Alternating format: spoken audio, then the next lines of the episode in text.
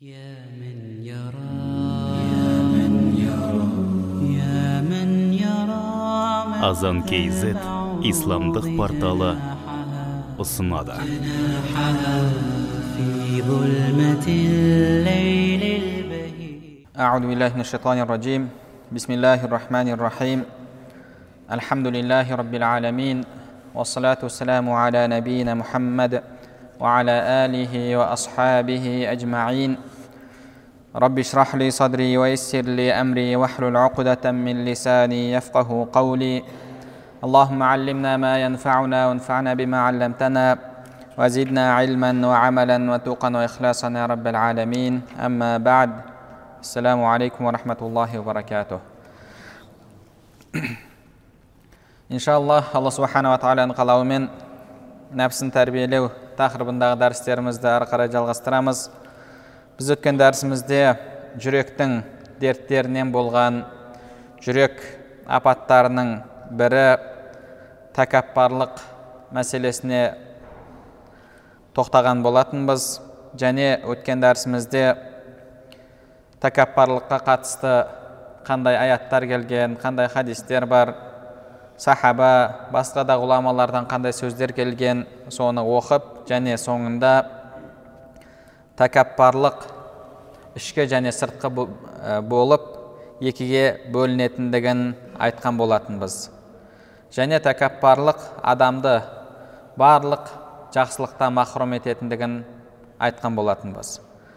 Тәкаппар болған адам біреуге кішіпейілдік таныта алмайтындығы тәкаппар болған адам біреуден насихат қабылдамайтындығы тәкаппар болған адам көре алмау дертіне түсетіндігі тағы да басқа да қандай жаман дерттер бар соның барлығына тәкаппарлық адамды түсіретіндігін айтқан болатынбыз.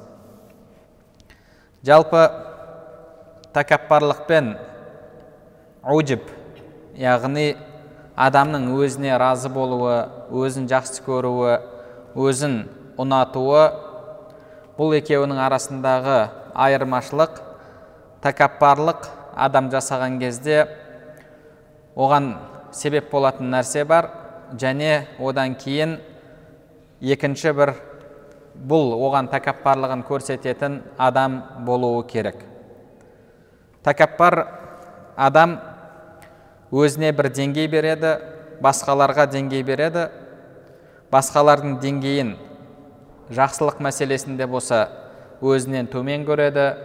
Бір жамандық болатын болса мен жаманмын ғой бірақ адамдардың барлығы менен де жаман менен де өтіп кеткен деп адамдарды жамандықта өзінен төмен көреді. Бұл тәкаппарлық. Ал уджіб мәселесінде яғни адамның өзін өзі жақсы көруі өзін ұнатуы өзінің ісіне ойына ақылына біліміне разы болуы бұл мәселеде екінші бір адамның болуы шарт емес. Адам бұл әлемде жаһанда бір өзі бола тұра әлгіндей аужіб дертіне ұшырауы мүмкін. Яғни менен мен керемет адаммын мен пәленшемін мен түгеншемін мен әулиемін деген секілді пікірлер ода болуы мүмкін. Бұл жерде екінші бір адамның болуы шарт емес. Енді тәкаппар адамның тәкаппарлығын көрсету мәселесінде тәкаппарлықты ғұламаларымыз үш деңгейге бөледі. Ең бірінші деңгейі және ең ауыры ішіндегі ең жаманы бұл алла субханала тағалаға тәкаппарлық жасау. Алла субханала тағаланың бұйрықтарын орындауда тәкаппарлық көрсету. Бұндай тәкаппарлықты тарихта нәмруд ибраһим алейхисаламның кезіндегі патша көрсетті және фирауын көрсетті.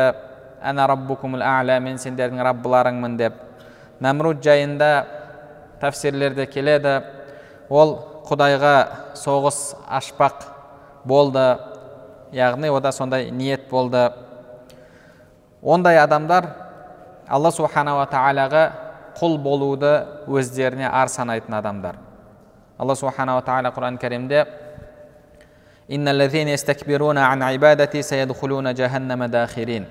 маған құлшылық жасауда яғни алла субханала тағаланың алдында өзінің құлдығын мойындауда. Құлшылық деген сөз араб тілінде айбада абада абд яғни құл болу құлшылық жасау құлдығын білдіру барлығы бір түбірден шығады. Кімде кім алланың алдында құлдығын өзінің құл екендігін мойындап құлшылық жасауда тәкаппарлық танытатын болса ондай адам тозаққа қор болған халде кіреді деді. Және алла субханала тағала құран кәрімде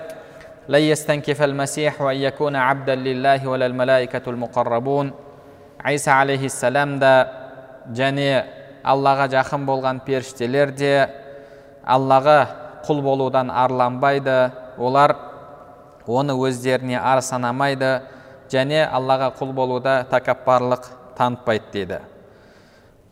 Алла субханала тағала басқа бір аятта аллаға тәкаппарлық танытатындар жайында айтады.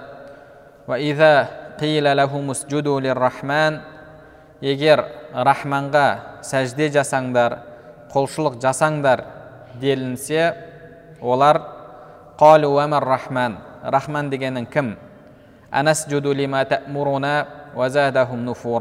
сен айтқан нәрсенің бәріне біз құлшылық жасай береміз бе деп олардың жеркеніштері артады деді бұл тәкаппарлықтың ең ауыр ең үлкен ең жаман деңгейі. Екінші деңгей бұл пайғамбарларға тәкаппарлық көрсету. Пайғамбарды өзінен төмен санау. Пайғамбарға ілесуді өзіне қорлық деп білу. Пайғамбарға үмбет болуды өзіне ар санау. Бұл пайғамбарларға көрсетілген тәкаппарлық құранда алла субханала тағала пайғамбарларға тәкаппарлық жасағандардың сөздерін келтіреді олар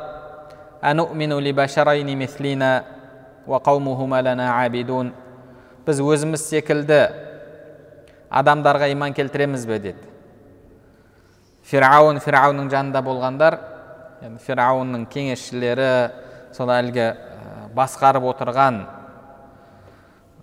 адамдар осы екеуіне мұса харунға өзіміз секілді адамдарға иман келтіреміз бе?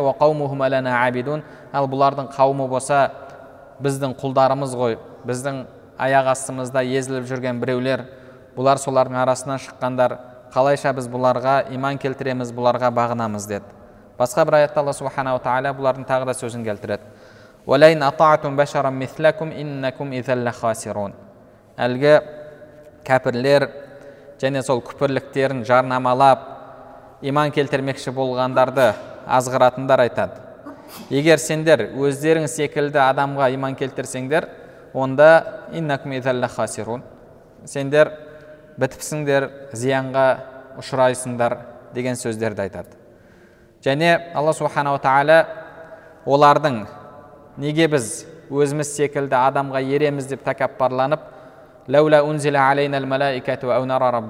неге бізге періште түспейді неге бізді періште тура жолға шақырмайды деген секілді сөздерді айтады имам уахаб ибн мунаббих рахимахулла айтады бірде муса алейхиссалам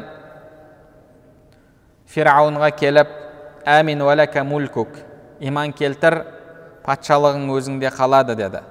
Сонда хәтта ушауира хаман хаманға хаманмен кеңесейін деп барып хаманмен кеңеседі сонда хаман оған айтады. Абдан табуд адамдар саған табынып жатқан құдай едің ғой енді не? Құдайға табынатын осы мусаға еретін құл болғың келеді ме? деген секілді сөзді айтты сөйтіп ол муса алейхисаламға еруден бас тартты және оны өзіне ар санады алла субханала тағала құрайш қауымы жайында да айтады олар айтты لولا نزل هذا القرآن على رجل من القريتين عظيم неге бұл құран әлгі өздерінің арасында атақ абыройға ие болған екі ауылдан немесе екі қаладан шыққан екі атақты адамдарға түспейді деген сөзді айтты. Имам қатада рахимахуллах азимул қариятайн хуал валид ибн муғира абу сақафи өздерінің арасында атақ абыройға ие болған уалид ибн муғира және әбу масуд әс сақафи деген кісілер неге соларға түспейді оларға түссе бұлар оған еруге дайын. Неге? Себебі олар дүние мал мүлікке ие олардың арасында атақ абыройы бар. Ондай адамдардың артынан еруді өздеріне ар санамайды ал жетім болып өскен қой бағып жүрген енді келіп бізге ақыл үйретеді ме бізге жол көрсетеді ме бұл қалайша деп олар пайғамбарымыз саллаллаху алейхи уассаламға тәкаппарлық көрсетті. Және алла субханала тағала солар жайында айтады. Алланың аллаңның раббыңның жақсылығын олар өздерінің көңіл қалауларына салып бөліп бермекші ме деді. Пайғамбарлық мынаған болсын мынаған болсын пайғамбарлық мынаған келсе біз бұны қабылдамаймыз деп алла субханала тағаланың жақсылығын өздерінше ә, солай бөліп таратқысы келеді ме дейді әлгі қорайш қауымы тағы да басқа да сондай пайғамбарға тәкаппарлық танытқандар айтты. Осыларға сонда алла біздің арамыздан таңдап жақсылық беріп жатыр ма бұл мүмкін емес бұлар деңгейлері төмен болған қоғамда ешқандай орындары болмаған адамдар ғой деп пайғамбарымыз саллаллаху алейхи уассаламға иман келтіруден бас тартты және пайғамбарымызға сенің артыңнан өңше өңкен өңше бишаралар өңкей бишаралар жамандар кедейлер еріп жатыр біз қалайша саған иман келтіреміз деді. Бұны алдыңғы қауымдар да айтты. Нух алейхисаламға сенің артыңнан өңшең бишаралар кедейлер еріп жатыр біз саған қалай ереміз? деді. Оларды қуып жібер біз сол кезде саған иман келтірейік деді. Әлбетте олардың бұл сөзі де жай ғана айтып жатқан сылтаулары еді. Алла субханала тағала ولا تطرد الذين يدعون ربهم بالغداة والعشي يريدون وجهه күндіз түні аллаға құлшылығын жасап мақтауын айтып алланың разылығын қалап жүргендерді қума жаныңнан деді олар соншалықты өздерін жоғары көріп пайғамбарымызды пайғамбарымыздың артынан ергендерді төмен көргендіктерін соншалықты алла субханала тағала айтады олар тозаққа кірген кезде айтады деді. Неге біз бейшара көріп жүрген кедей деп төмен деп есептеп жүрген адамдарды көрмей жатырмыз деді тәпсірінде ғұламалар билал қайда аммар қайда анау қайда мынау қайда деп кедей сахабаларды олар іздейді деді. Олардың ойынша бұлар керемет бұлар бай бұлар жақсы аналар болса деңгейлері төмен. Сол үшін де пайғамбарға оның артынан ергендерге ергісі келмейді. Алла субханала тағала олар жайында олар айтты дейді. Негізі құранда қарап отыратын болсақ қияметте болатын нәрселер жайында алла субханала тағала хабар берген кезде әрдайым өткен шақпен келеді. Олар былай айтты олар былай айтты деген секілді сөздер келеді. Ғұламаларымыз айтады бұның сыры негізі алда болатын нәрсені болады болмайды деп айтуға болады. Егер сенбейтін адам болса ол болмайды деп айтуы мүмкін. Ал бірақ болып қойған нәрсе және болып қойғанын барлық адам білген кезде оны ешкім жоққа шығара алмайды. Мысалы сіз қазір біреуге 41-45 жылдары екінші дүниежүзілік соғыс болды десеңіз оны ешкім жоққа шығара алмайды. Бұл нәрсенің болып қойғаны анық. Яғни ертең қияметте солардың тозаққа түсетіндігі және тозақта сондай сөздердің болатындығы періштелер мен кәпірлердің арасында тағы да басқа да сондай шайтан мен кәпірлердің арасында сөздің болатындығы ол әңгіменің жүретіндігі соншалықты ақиқат болғандығы бұл нәрсе өтіп кеткен оқиғадай өтіп кеткен сөздей құранда келеді. Алла субханала тағала олар айтты дейді. Олар ертең солай айтады. Яғни бұл нәрсе болады болатындығы ақиқат сол үшін де болатындығы ақиқат болғандықтан да алла субханала тағала бұны болып қойғандай етіп өткен шақпен құранда келтіреді. Олар тәкаппарлыққа салынып пайғамбардың алып келгенін мүлдем мойындамады. Бұл бір топ екінші бір топ болды.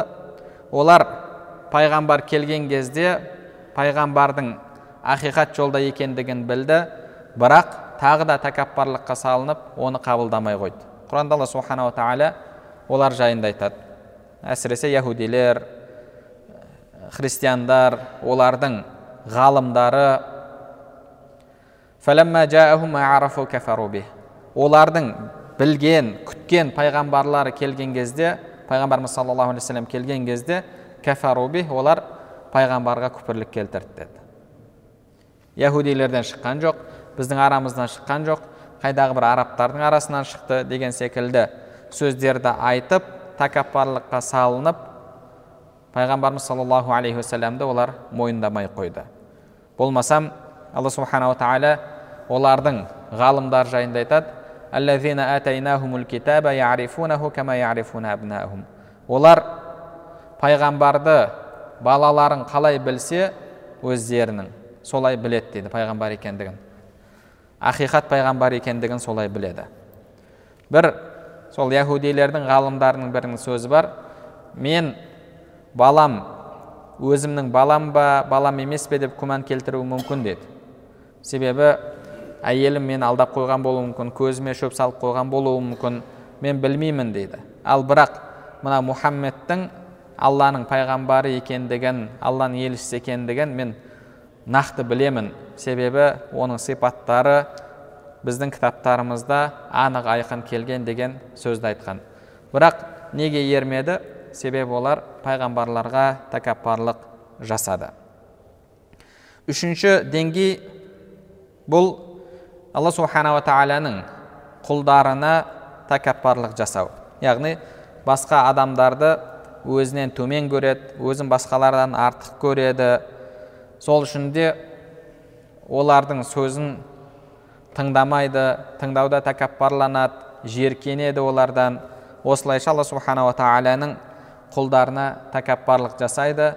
Әлбетте бұл да алла субханала тағаланың алдында өте ауыр. Себебі біріншіден тәкаппарлық бұл алла субханала тағаланың өзіне ғана жарасатын сипат біз өткен дәрісте оқып берген хадисте пайғамбарымыз саллаллаху алейхи вассалам айтты алла субханала тағала айтты деп бізге жеткізді хадис құдси яғни ұлықтық бұл ұлықтық және тәкаппарлық маған ғана тән болған сипат бұл екі сипатта кім менімен таласатын болса мен оны құртамын оның көзін жоямын деді. Ғұламаларымыз ондай адамды пайғамбар яғни алла субханала тағаланың сипатында алламен таласпақшы болған адамды мынандай адамға ұқсатады. Патшаның мысалы тағы бар. Патшаның ғана ұстайтын таяғы бар. Әлгі патшаның ғана басына киетін бас киімі бар. Соны егер патшаның құлдарының бірі басына киіп алып таяғын ұстап алып тағында шайқа бана ә, жататын болса шалқайып әлбетте бұл патшаға болған үлкен құрметсіздік ол патшамен патшалығында таласып жатқан сияқты. Білесіздер қазіргі кездерде сондай үлкен қонақ үйлер болады. Үлкен қонақ үйлерде арнайы бір бөлме болады. Ол сол елдің патшасына сол елдің басшысына құрмет ретінде арналады. Мысалы сол қонақ үй ашылған кезде сол елдің басшысы келіп көреді өзінің бөлмесін көреді. Мысалы бөлмесіне келіп демалса демалар. Сөйтеді ол бөлме жабылады. Одан басқа ешкім кірмейді ол жерге кіріп жатуға ақысы жоқ. Және ол сол яғни патша келген кезде сол ғана ол бөлмеде демалады қарап отыратын болсақ ә, бұл дүниенің өзінде патшаға деген құрмет. Біреу барып сол жерге жататын болса соның орнына жататын болса әлбетте бұл оған көрсеткен құрметсіздігі болады. Бұл нәрсені ол қонақ үйдің иесі де бұл нәрсеге жол бермейді. Неге себебі? Егер ертең соның хабар жететін болса халі мүшкіл болатындығын біледі. Әлбетте бұл адам нәмруд сияқты фирауын сияқты алланың орнына яғни алланың билігіне таласып жатқан адам емес бірақ патшаның өзіне ғана бағынатын патшадан ғана бұйрық алатын патшаның жақын адамдары болады. Мысалы мемлекетте де сондай арнайы бір органдар бар. Ол органдар тікелей сол елдің басшысына бағынады. Ол басқа ешқандай структураға басқа ешқандай органға бағынбайды. Енді патша біреуге айтса сен кез келген нәрсені маған айт мәселені менімен бірге қарайсың ешкімді тыңдамайсың десе. Сол сөзді естіген патшаның жанындағы көмекшілерінің бірі немесе орынбасары әлгі адамдарды жұмсап өзінше қорлағысы келсе әлбетте патшаның оған ашу ызасы туады. Алла субханала тағаланың пенделеріне құлдарына тәкаппарлық көрсетіп жатқан адам да тура сондай. Бұл аллаға құл болған адамдарды өзіне құл еткісі келген адам. Сол үшін бұл тәкаппарлықтың түрі де алла субханала тағаланың алдында ауыр. Және екінші себеп бұндай тәкаппарлықтың да алланың алдында өте ауыр күнә болуына біз өткен дәрісімізде айтып кеткендей пенделерге тәкаппарлық жасау олардан қандай сөз келсе де насихат сөзі болсын ақиқат сөзі болсын қандай сөз келгенде де қабылдамауға алып келеді. Неге себебі ол өзін олардан жоғары көреді өзін олардан артық көреді. Қалайша мен бұлардың сөзін қабылдаймын? Бұлар кім? Мұрнын боғын сүртіп алсын үйтіп алсын кеше ғана үйтіп жүрген еді кеше ғана ана өзім өсірген бала еді басқа деген секілді сөздерді айтып бұл адам ақиқатты қабылдамайды. Фирауынға мұса алейхисалам келген кезде де сені кішкентай кезіңде біз өсірген жоқпыз ба? деді. Қазір бар ғой. Солай айтатындар ғой. Сен кеше ғана жүрген біреу едің кеше ғана ауылда тұрсисіз шапқылап жүрген біреу едің енді маған келіп ақыл айтасың ба маған келіп өсиет айтасың ба? деп осылай тәкаппарлық көрсетеді. Және бұндай тәкаппарлық ондай адамнан ондай адамның ақиқатты қабылдамауына алып келеді. Адам ақиқат немесе дұрыс сөз кімнен келсе де қабылдауы керек. Бірде халифаның алдына бір топ кісі кіріп келеді делегат. Солардың арасынан шығып біреуі сөз сөйлеу керек. Сөз сөйлеуге шыққан адам жас жігіт болады. Патша орта жастан өтіп қалған адам сөйтіп бүйтіп қарайды да араларыңда бұдан үлкенірек адам жоқ па деді. Не мына кішкентай баланы шығарып қойып сөйлетіп жатсыңдар деді. Сонда әлгі бала тұрып сен қанша үлкен болсаң да сулейман алейхисаламнан үлкен емессің. Мен қанша кішкентай болсам да әлгі худ худ тоқылдақ құстан кішкентай емеспін. Сондай білімді ұлы пайғамбарға худ худ келіп сен білмеген нәрсені мен біліп келдім деді. Сәба елінен мен анық хабар алып келдім. Сен білмеген нәрсені мен біліп келдім деді. Сен кімсің оның жанында? деген сөзді айтты. Сонда халифа ойланып сабасына түсті. Яғни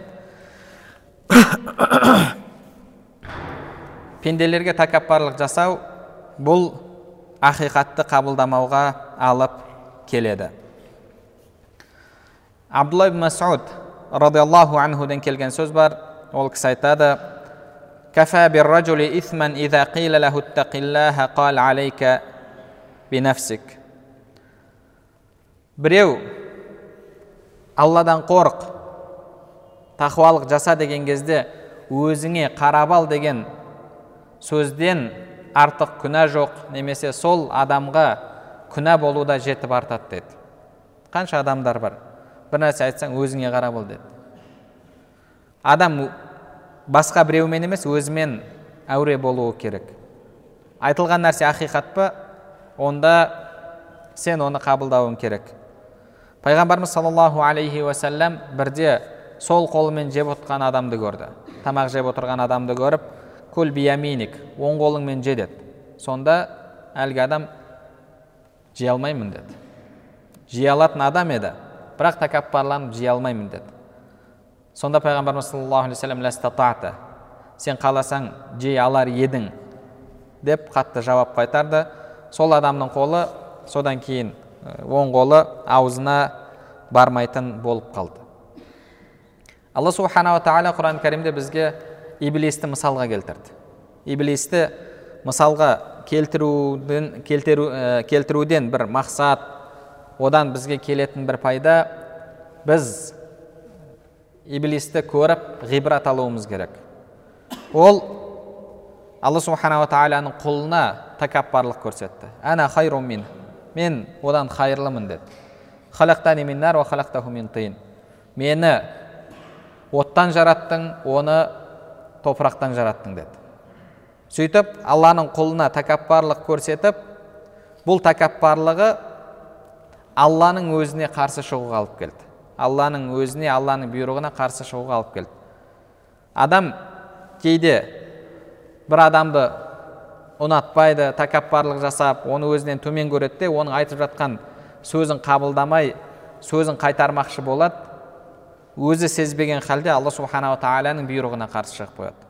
Сен маған үйретесің ба? Баршы сен не білесің? Е мынандай деп айтылған десе қатты тәкаппарлыққа салған кезде айтыла береді. Кім не демейді деген сөзді де айтып жіберуі мүмкін. Сөйтіп бұның соңы алла субханала тағаланың өзіне тәкаппарлық жасауға алып келеді. Алла субханала тағала сәжде жаса деген кезде әлгі адам атаға жасаған тәкаппарлығы аллаға қарсы шығуға алып келді. Мен топырақтан оны топырақтан жараттың мені оттан жараттың мен оған сәжде жасамаймын деп алла субханала тағаланың өзіне қарсы шықты. Пайғамбарымыз саллаллаху алейхи уассалам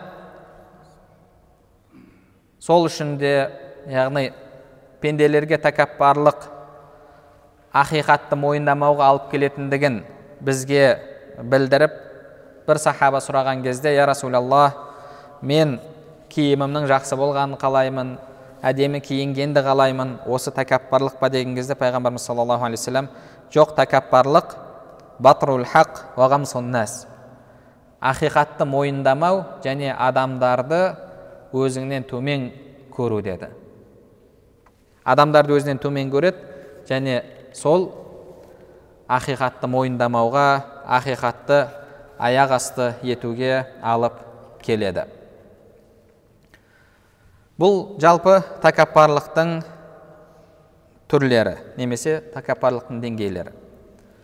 Адам тәкаппарлық жасаған кезде оған себеп болатын дүниелер бар.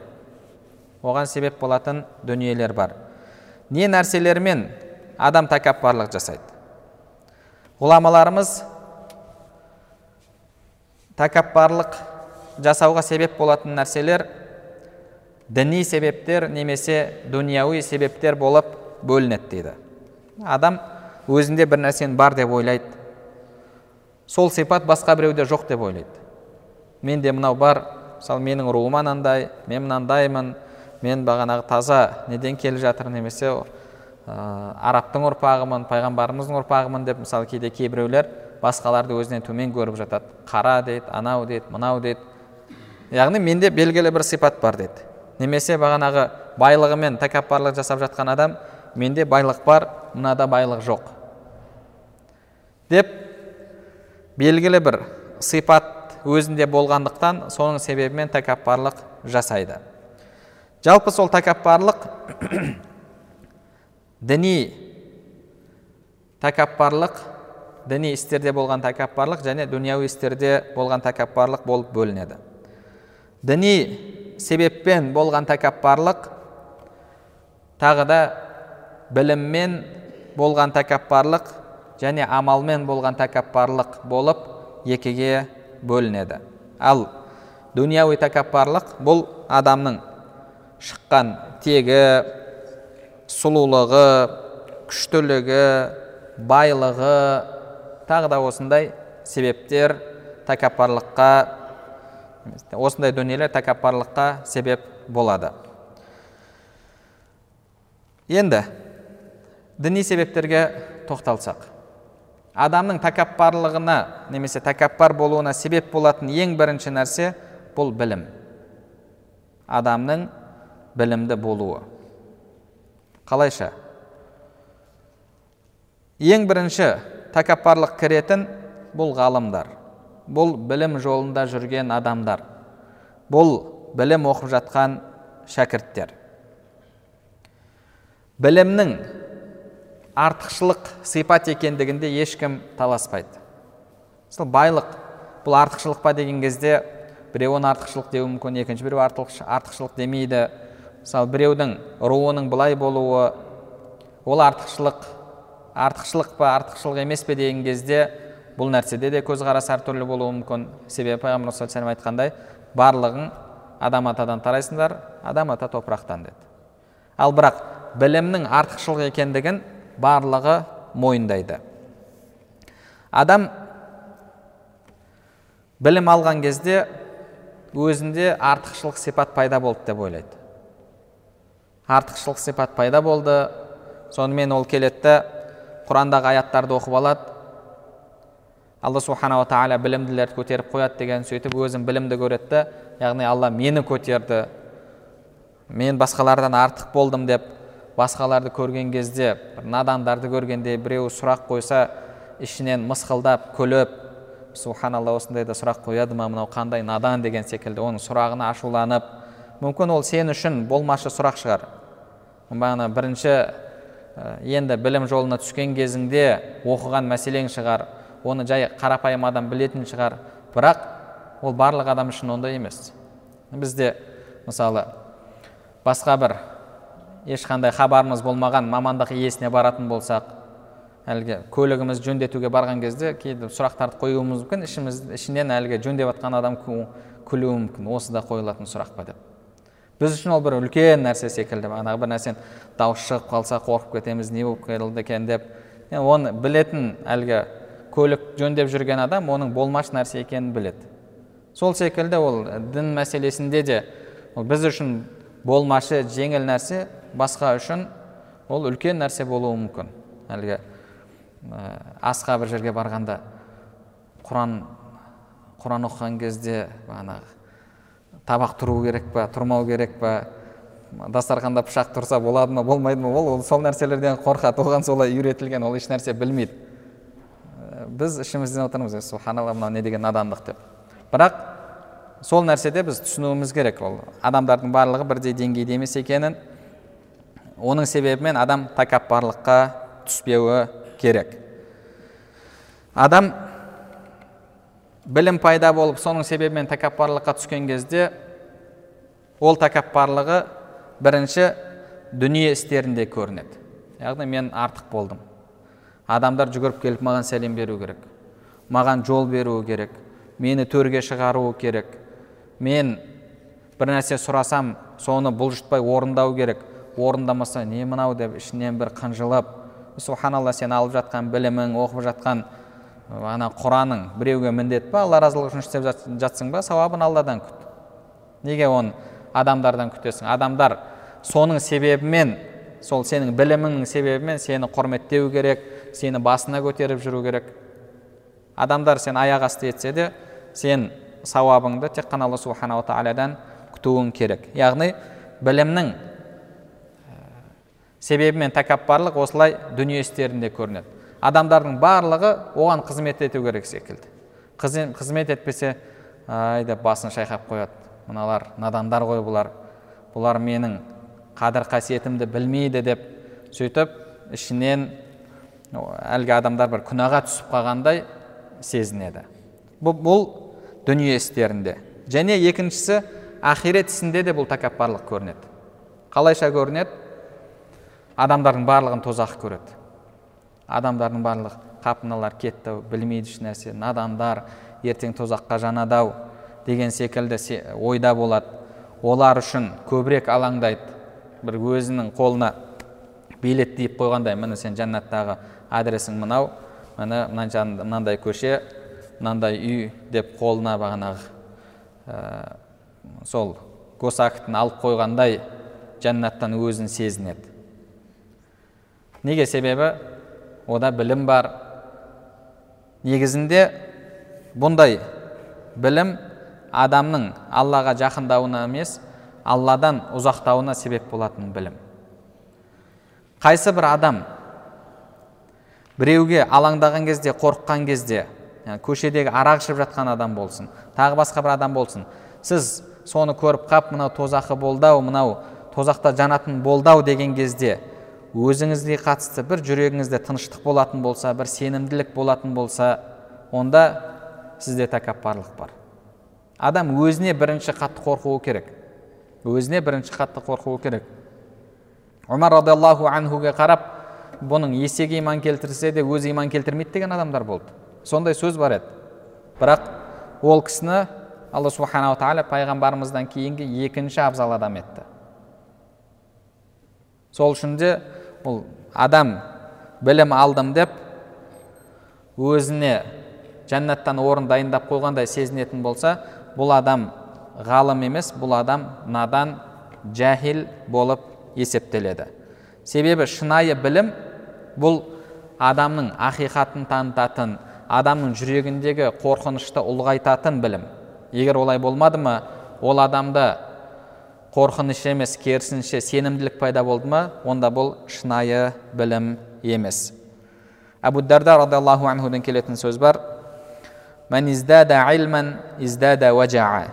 Кімнің білімі артатын болса оның қорқынышы артады деді оның қиналуы артады деді. Себебі ол алдын білмей жүрген нәрсені тағы да білді. Ана ақиретті білді ақиретке қатысты хабарларды оқыды. Сөйтіп оның қорқынышы тағы да артады. Ал енді неге енді адамдар білім алса да кейде тәкаппарлыққа түсіп жатады? Неге білім адамның тәкаппар болуына себеп болады? Оның екі себебі бар. Бірінші себебі адамның шынайы біліммен емес яғни негізгі білім болмаған мәселелермен айналысуы. Негізгі білім бұл адамның иманын күшейту ақиретке деген уайымды күшейту яғни ихсан білімі. Алла субханала тағаланың бақылап тұрғанын сезіндіру аллаға мұқтаждығын сезіндіру. Ал егер оны үйренбестен адам бірінші міне міне мына сипаттар осы сипаттарда болған адам жәннаты қалғандарының барлығы тозақы аналар тозақы мыналар тозақы аналар үйтіп жатыр мыналар бүйтіп жатыр деп үйрететін болса бұл адамда тәкаппарлық пайда болады. Сөйтеді да ол өзін бір жәннаттан орын адам орын алып қойған адам секілді сезінеді. Шынайы білім ең бірінші бұл алла субханала тағаланы таныту алланың ұлықтығын сезіну алланың алдындағы қорқынышты күшейту білімі болуы керек. Бұл бірінші себеп. Екінші себеп адам білімге кірген кезде егер тәкаппар нәпсімен кіретін болса онда оның тәкаппарлығы артады адам кішіпейіл болып алладан қорқып сондай халде білімге кіретін болса оның қорқынышы кішіпейілділігі артады адам өзі былай қорқып жүргізсе алладан қорқады ақирет үшін уайымдайды ол білім алса тағы да оның қорқынышы артады. Неге себебі? Алдын білмеген нәрселерді білді. Сөйтіп оның қорқынышы тағы да арта түседі. Ал тәкаппар болып басқалардан өзін артық көріп жүрген адам білім алса оның тәкаппарлануына тағы бір нәрсе себеп болды. О мен мынаны білдім мен мынаны білдім мынаны білдім бұны мыналар білмейді деп оның тағы да тәкаппарлығы арта түседі. Сол үшін де білім жайында сахабалардан табиандерден келген сөз бар уахб ибн мунаббих рахмаулла айтады әл айлму кәл білім бір жаңбыр іспеттес деді жаңбыр секілді ол аспаннан тап таза болған халінде түседі оны жердегі талдар ағаштар тамырымен ішеді тамырымен қабылдап алады деді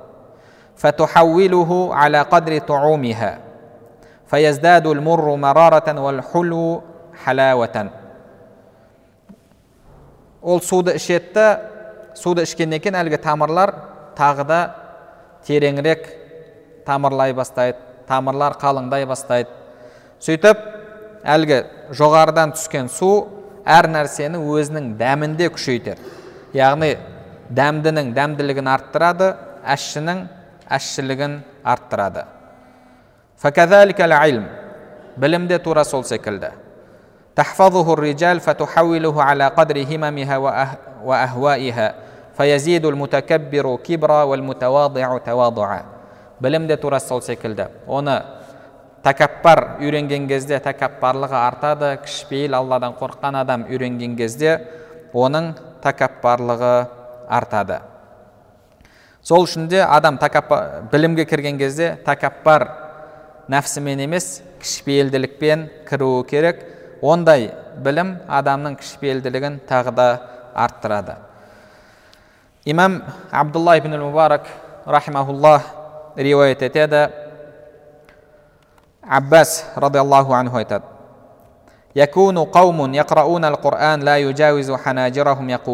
Сондай бір адамдар шығады. Олар құран оқиды құран олардың тамағынан ары қарай кетпейді